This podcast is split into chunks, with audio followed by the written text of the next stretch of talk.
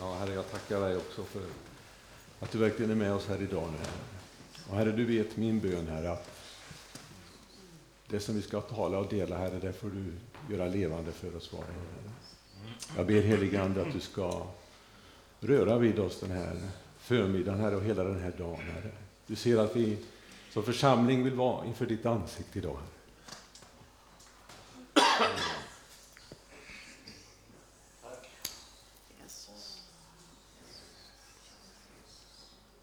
Herre, du vet att vi vill ha mer av dig.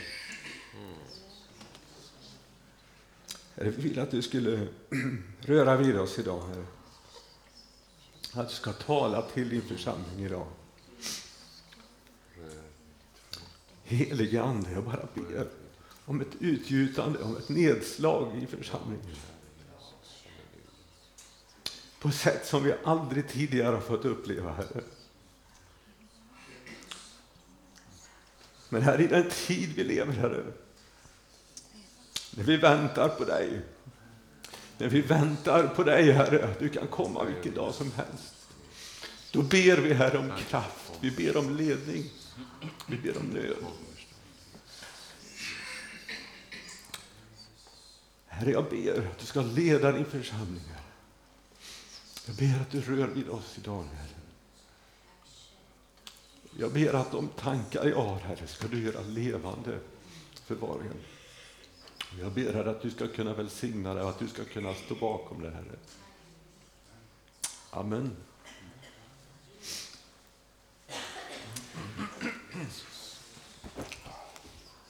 Oj. Mycket grejer, mickar och glasögon. Oj. Ja. Det är inte bra. Ja, det är bönedag idag. Och jag har en otrolig längtan till Gud och jag har en förväntan och jag har bett honom verkligen om att tala till oss idag nu och rör vid oss var och en. Och jag har varit så glad i veckan här när det har varit så mycket folk med i våra bönesamlingar. Eh, jag känner, tack gode Gud, det finns en längtan, vi har en längtan och vi, vi, vi vill vara med och be till dig och vara inför dig. Fredagskväll, lördagsmorse, det är fullt med ungdomar här också. Vi får be för varandra, ungdomarna får be för oss äldre och vi ber för dem och man får vara tillsammans. Det var så gott känner jag. Då känner man att det finns tro, det finns hopp och det finns en framtid och Gud vill göra så mycket.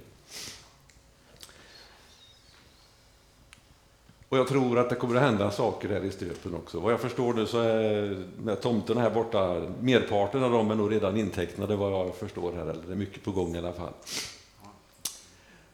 Och då tror jag att Gud skickar människor hit, redan troende och kristna som kan vara med och bygga hans rike här. Men framför allt så finns det en möjlighet för oss att nå ytterligare ett antal familjer och personer där borta sen.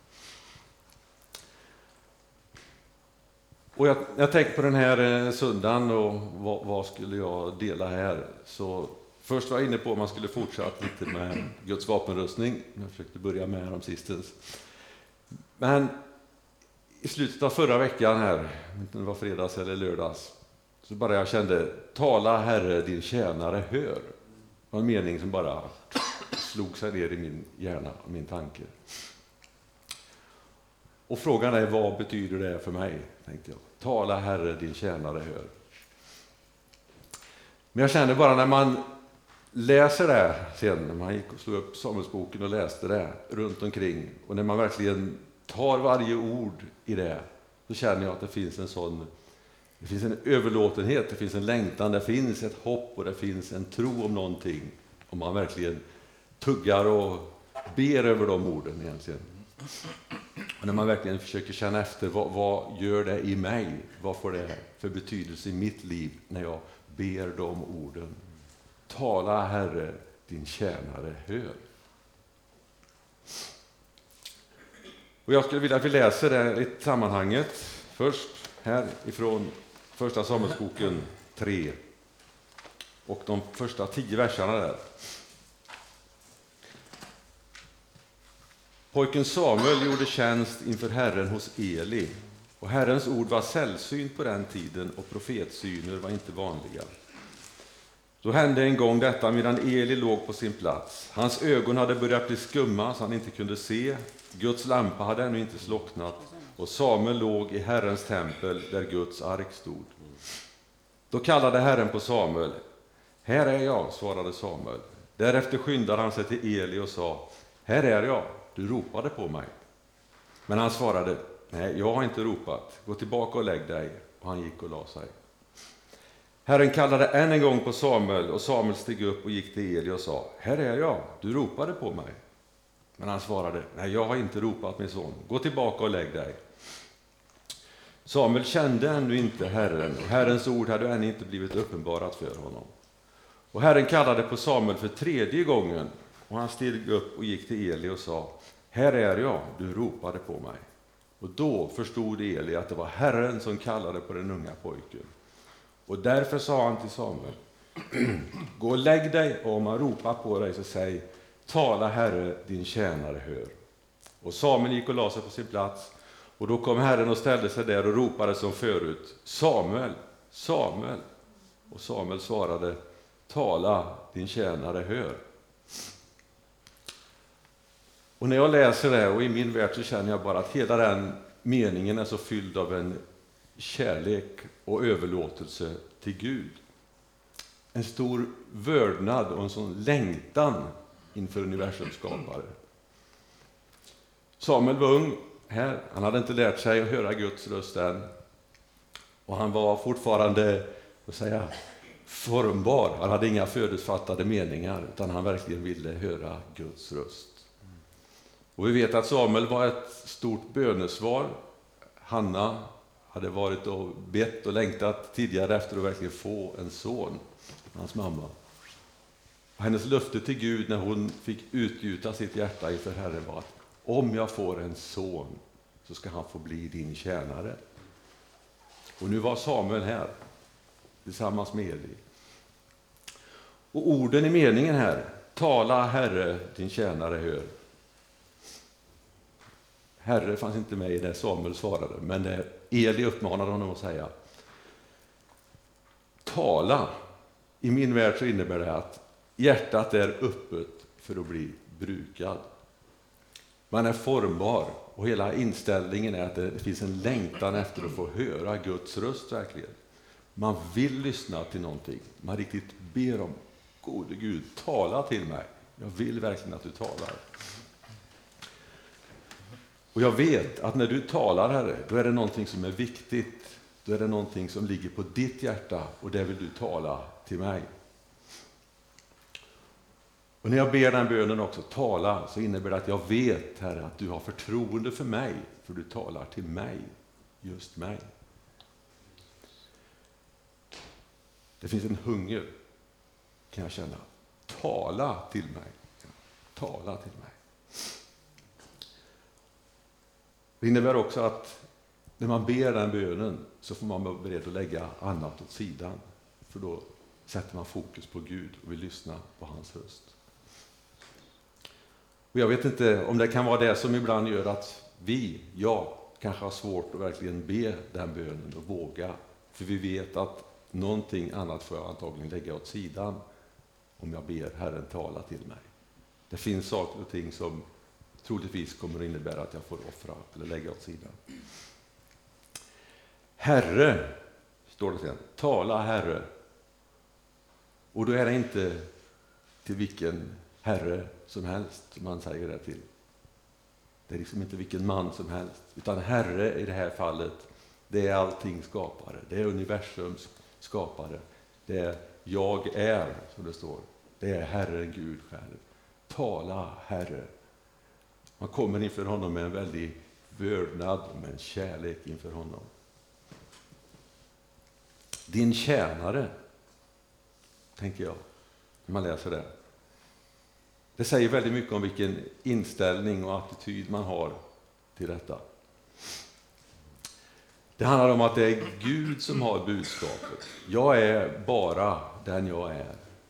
Jag är helt rådvill och vet egentligen ingenting om inte du talar till mig. Jag är helt nollställd. Jag behöver höra din röst. Jag behöver att du talar till mig. Jag är redo att utföra någonting som tjänare. Jag är din tjänare. Jag är redo att göra det du säger till mig.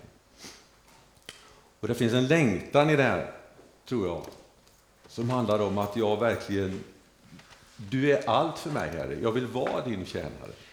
Allt är du för mig. Och det jag kan göra, det du ber mig om, det vill jag göra. Det finns en eh, sång här, att tjäna dig är min vilja, att få höra din röst, min bön, att vittna om dig mitt uppdrag och att få möta dig blir min lön, brukar vi sjunga. Och det tror jag ligger i de här orden, din tjänare, att jag förväntar mig ingenting i belöning, om man får säga så. Utan det här vill jag göra. Jag har redan fått allt av dig, Herre. När du sände Jesus hit, han dog på korset som vi hörde, då fick jag allt. Jag fick livet genom dig. Förlåten blev bruten som, som Anders visade här förut. Och jag har bara en enda längtan, det är att tjäna dig tills den dagen då jag får möta dig.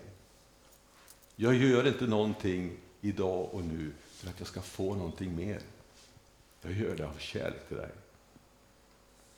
Och Det finns en sån attityd till Herren i detta, känner jag, med en respekt. Och då menar jag inte respekt av rädsla eller att det är en sträng och hård Herre, utan det finns en respekt på grund av en tacksamhet, en vördnad och en kärlek till Gud. Herre, jag är din tjänare. Jag står här. Tala till mig, Herre. Tala, Herre, din tjänare hör. Står det. Hör. Mitt öra och mitt hjärta är öppet för att lyssna till dig. Jag kommer att lyssna och jag kommer att göra det du ber mig om. Det jag hör, det vill jag göra. Det går inte in genom det örat och ut genom det andra. Utan nu är det bara du och jag, Herre. Jag vill höra. Jag har lagt allt annat åt sidan. Jag sitter inte med något annat som tar tid och kraft. Jag lyssnar inte med halvhjärtat, utan det är du och jag. Jag sitter här inför dig som ett oskrivet blad. Du får skriva dina ord i mitt hjärta. Med din hand, Herre, får du skriva i mitt hjärta det du vill att jag ska göra. För jag längtar efter att få göra det du vill. Och jag kommer att göra det. Och jag är redo nu, Herre. Jag bara sitter här och vill höra dig. Helige Ande, kom mig nära. Jag vill höra din röst. Det är den bönen vi får be idag. Och när jag läser den här meningen så kommer frågan till mig, hur är min inställning till Gud? Hur är min inställning till detta? Kan jag be den här bönen? Kan jag tala ut den här meningen? Jag inser att jag har en lång väg kvar, jag har mycket att jobba på innan man helt fullhjärtat kan säga de orden. Utan att ljuga, utan att... Ska jag stå bakom det helt och sant så har jag mycket att jobba med. Men jag kan också känna att jag har den här längtan efter detta. Jag har en längtan efter att få verkligen göra det. Och har du och jag det, har vi det, då känner jag, då finns det hopp och då har Gud någonting att bygga på.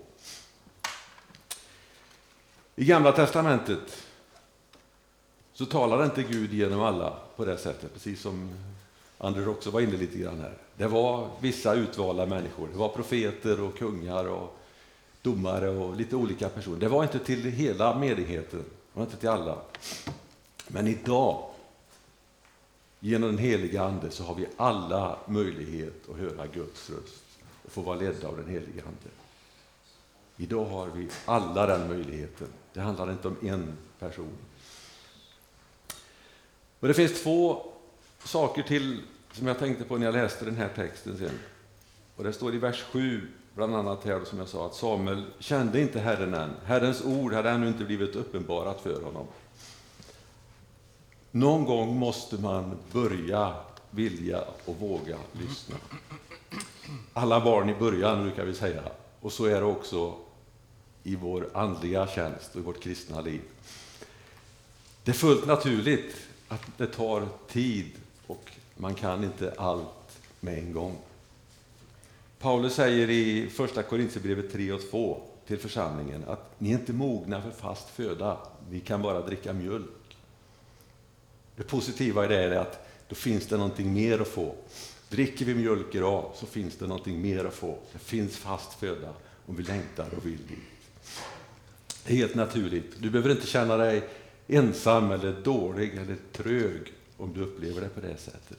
Utan då finns det mer att få av Herren. Och det är en naturlig väg. Det handlar om att vilja jobba på den gemenskapen med den helige Ande, få leva i detta. Jag ser i vers 9, när Eli svarar Samuel, gå och lägg dig, när han kom på, det är Herren som talar till dig. Det handlar om mentorskap, känner jag, och vara ett föredöme och ha varit där tidigare och kunna dela med sig. Och jag vet inte hur... Nu hade vi, tyckte jag, då, som sa sa, fredagslördags var det ju fantastiskt gott att vi fick dela, både yngre och äldre. Och det är väl så det ska vara i församlingen, tänker jag. Att du som har varit med en tid, du som har gått före, att du får vara med och vara den här mentorn. Och frågan är, har vi tappat bort det eller fungerar det? Har du en gåva eller förmåga, känner du, att få tala till någon och leda en grupp eller leda någon människa? Så vad viktigt det är att du gör det, att du lever i det och låter Anden tala till dig och du kan förklara och undervisa den som fortfarande dricker mjölk. Ditt engagemang och ditt, din lydnad och din längtan är viktig för dig själv och för församlingen. Jag tror det är av allra största vikt att du som känner detta, att du får vara en av de här kraftiga grenarna i trädet vi talar om. Så de som är lite mindre kvistar och inte har vuxit till sig och blivit så kraftiga, de kan få ta tag i dig, hålla i dig, hänga i dig. Så att det inte bara blir en tom stam, utan att det blir liv, att det blir mycket i Guds församling. Och det får du vara med. Vad hade hänt om Eli hade sagt till Samuel, du bara inbillar dig, gå och lägg dig och sov nu, jag vill inte bli störd mer av dig. Men tredje gången så inser han, men det är ju Herren som talar till Samuel. Det är Herren som talar till Samuel. Gör så här, nästa gång, svara, tala, Herre, din tjänare hör. Är du med där? Din uppmuntran och din inställning och ditt föredöme är viktigt. Det kan vara livsviktigt för någon att du får vara med och tala tro in i olika sammanhang. Inställningen som Samuel hade, och som jag tror också är väldigt, väldigt viktigt, det är att vi har ett öppet sinne och inser att Gud har makt. Gud har all makt. Jesus har all makt att göra vad han känner är rätt. Samuel hade inga förutfattade meningar, som jag sa, vad jag tror i alla fall, utan han, han, han var fortfarande formbar och påverkbar. Precis som det här, som jag sa, att han får vara ett oskrivet blad där Gud kan skriva varje ord, varje tanke som han vill att Samuel ska få höra och göra. Och det budskapet som Samuel fick till sig, som ett första budskap kan man känna att det måste ha varit ganska tufft, tungt att gå till sin läromästare eller mentor eller föredöme och säga att komma med det budskapet att du har handlat fel, du har gjort fel. Gud kommer att döma dig. Och Det står också att Samuel han, han var rädd, han tyckte det var jobbigt, men han dolde ingenting. står det.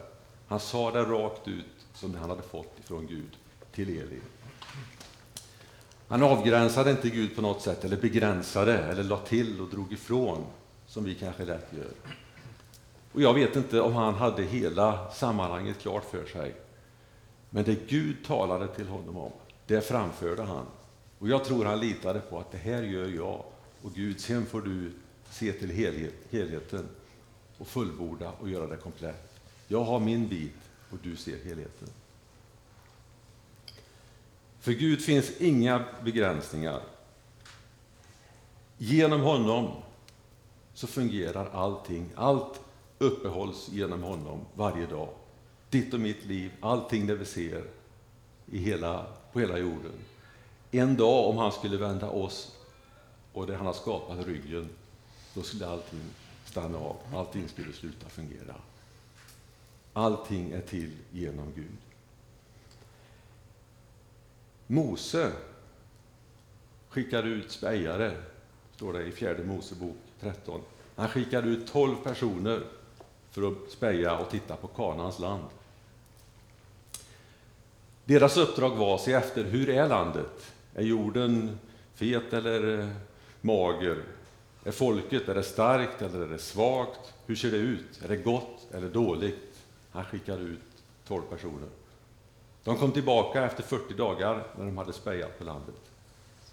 Budskapet till Mose det var inte enhälligt, om man säger så. De flesta de kom tillbaka och sa vi kan inte dra dit upp. Det går inte, de är alldeles för starka. Det är ett starkt land. Israel klarar inte detta.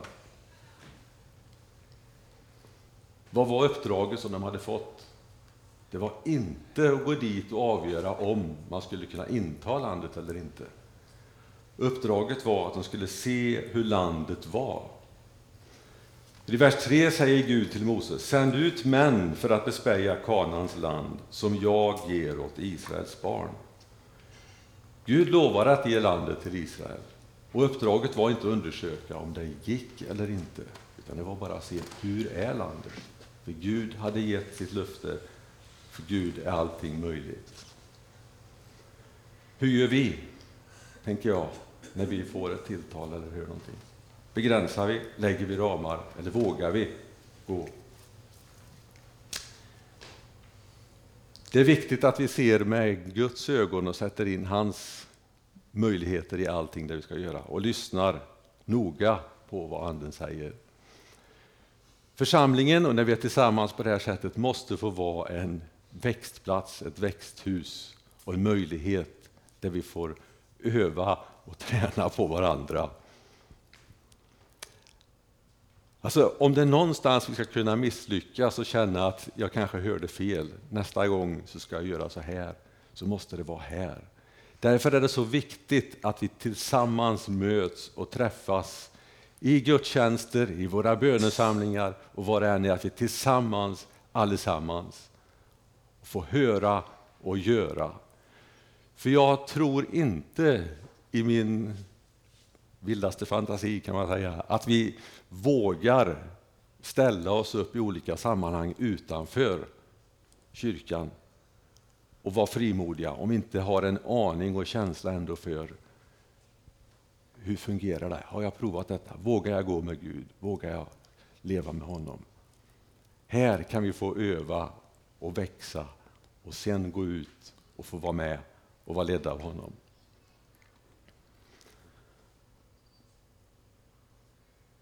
Ta nya steg har jag skrivit här. Och då tänker jag att det kanske är så att du har lärt dig lyssna, du hör Guds röst och du vet med dig att det fungerar, det är jättebra. Men det kanske blir enligt ett givet mönster varje gång. Du vet det att när jag hör så eller känner så, då gör jag så. Och då blir det ganska bra. Det brukar fungera. Man känner sig trygg i detta. Man har hittat ett sätt att hantera det här. Och det är bra. Det är bra. Men jag tror också på att man kan få utmana Gud och be om mer. Gud, låt mig växa, låt mig få ta något ännu mer att tugga på, något ännu mer matigt. Visa mig det. Att man får växa och få känna att man får ny, ny luft under vingarna, kan flyga lite högre, lite längre, ledd av Gud i detta. Att man inte stannar upp och är nöjd och belåten. Och exakt vad det innebär för dig och dig och dig, det vet inte jag här nu.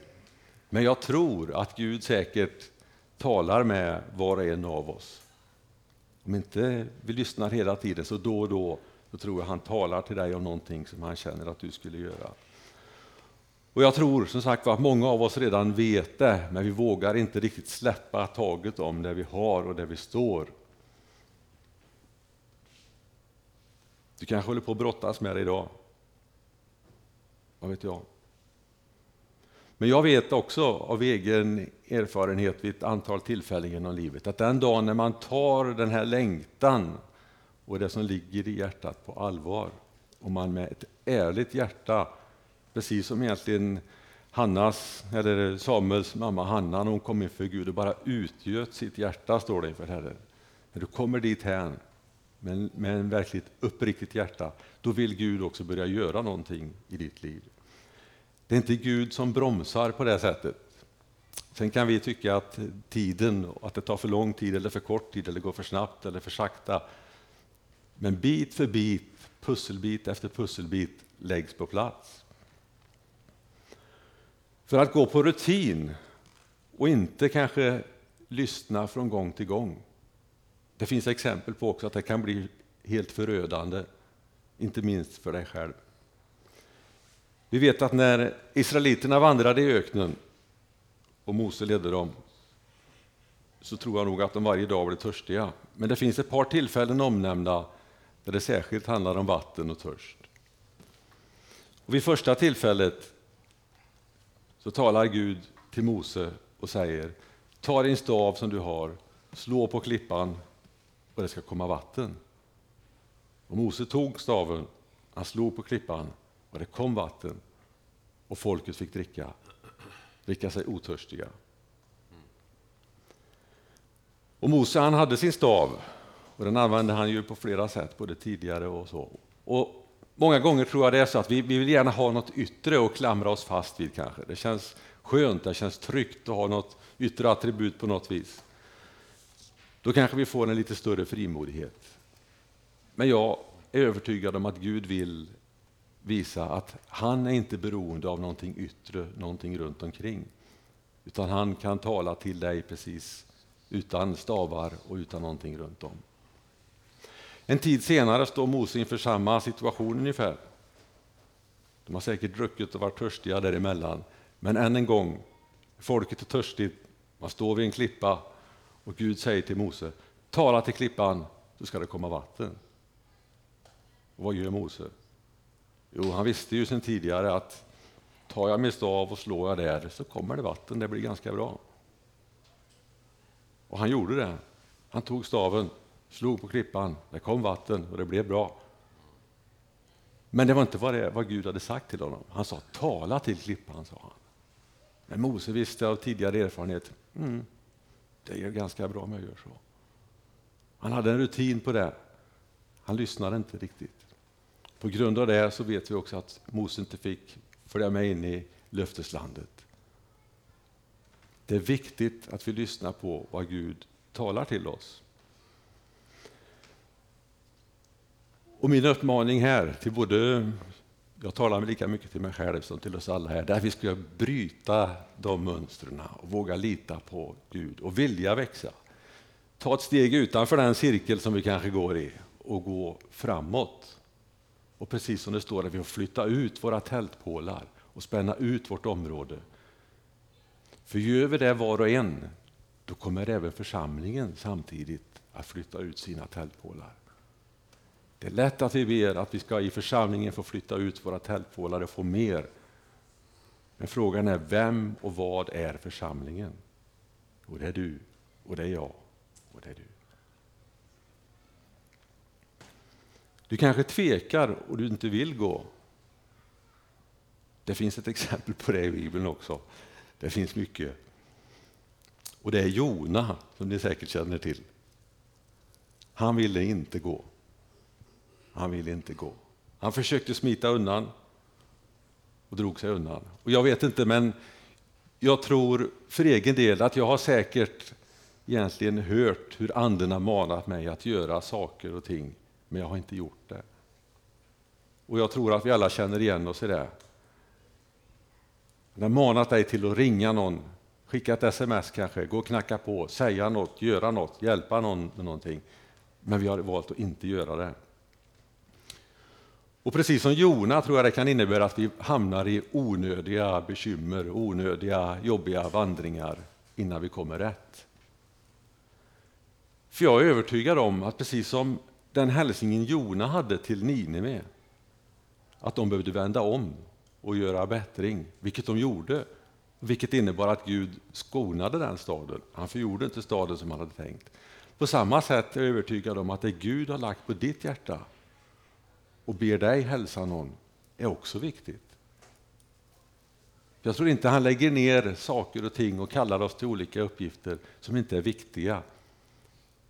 Utan det du har i ditt hjärta och det Gud talar med dig om, det är viktigt för någon i din omgivning. Och jag skulle vilja att vi allesammans tar detta till oss och funderar på vad betyder de här orden, den här meningen i mitt liv? Tala Herre, din tjänare hör. Och jag skulle önska att du tar det till dig, att du tuggar på det, ber över det, kanske läser bibelsammanhanget och funderar på Gud, vad vill du med mitt liv i detta? Är jag i din vilja? Har jag den här kärleken och längtan till dig? I Första Samuelsboken 15 och vers 17 så står det så här. Var det inte när du var liten i dina egna ögon som du blev ett huvud för Israels stammar och Herren smorde dig till kung över Israel? Samuels hälsning till Saul. När du var liten i dina egna ögon. Alltså det handlar inte om att du ska känna dig stor och stark och duktig. Det handlar om, precis som det står i kapitel 16 sen och vers 7, att Herren han ser till hjärtat. Det som kan tyckas vara ståtligt och fint med världsliga ögon, det är inte det Herren ser till, det är inte det Gud ser till. Det är till ditt hjärta, längtan och den överlåtenheten. Och de talanger och de gåvor och de talenter som det står, som vi har fått att förvalta och som du har fått att förvalta. Hur förvaltar vi detta? Tala Herre, din tjänare hör. För mig blir det så levande, det är inte många ord egentligen, man kan tycka att det är bara ord. Men när man lyssnar och man tänker på varje ord, vad är innebörden? Och sätter in det i någonting så blir det så levande för mig. Och det är min bön för din egen del.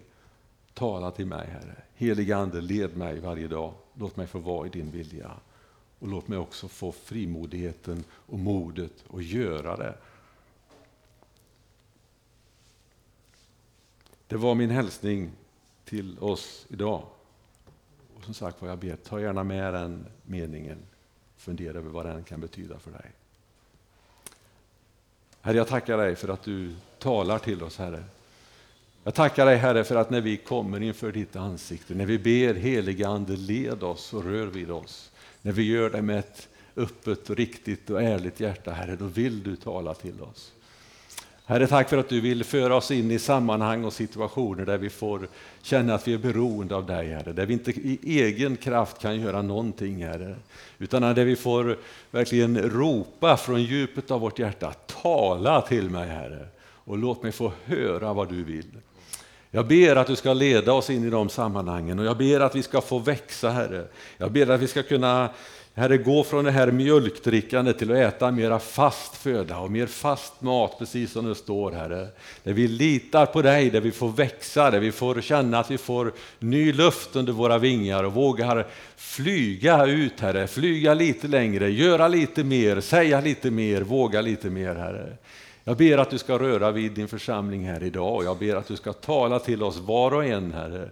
Både som individer, Herre, men att vi även tillsammans ser att vi får de olika pusselbitarna att falla på plats, Herre.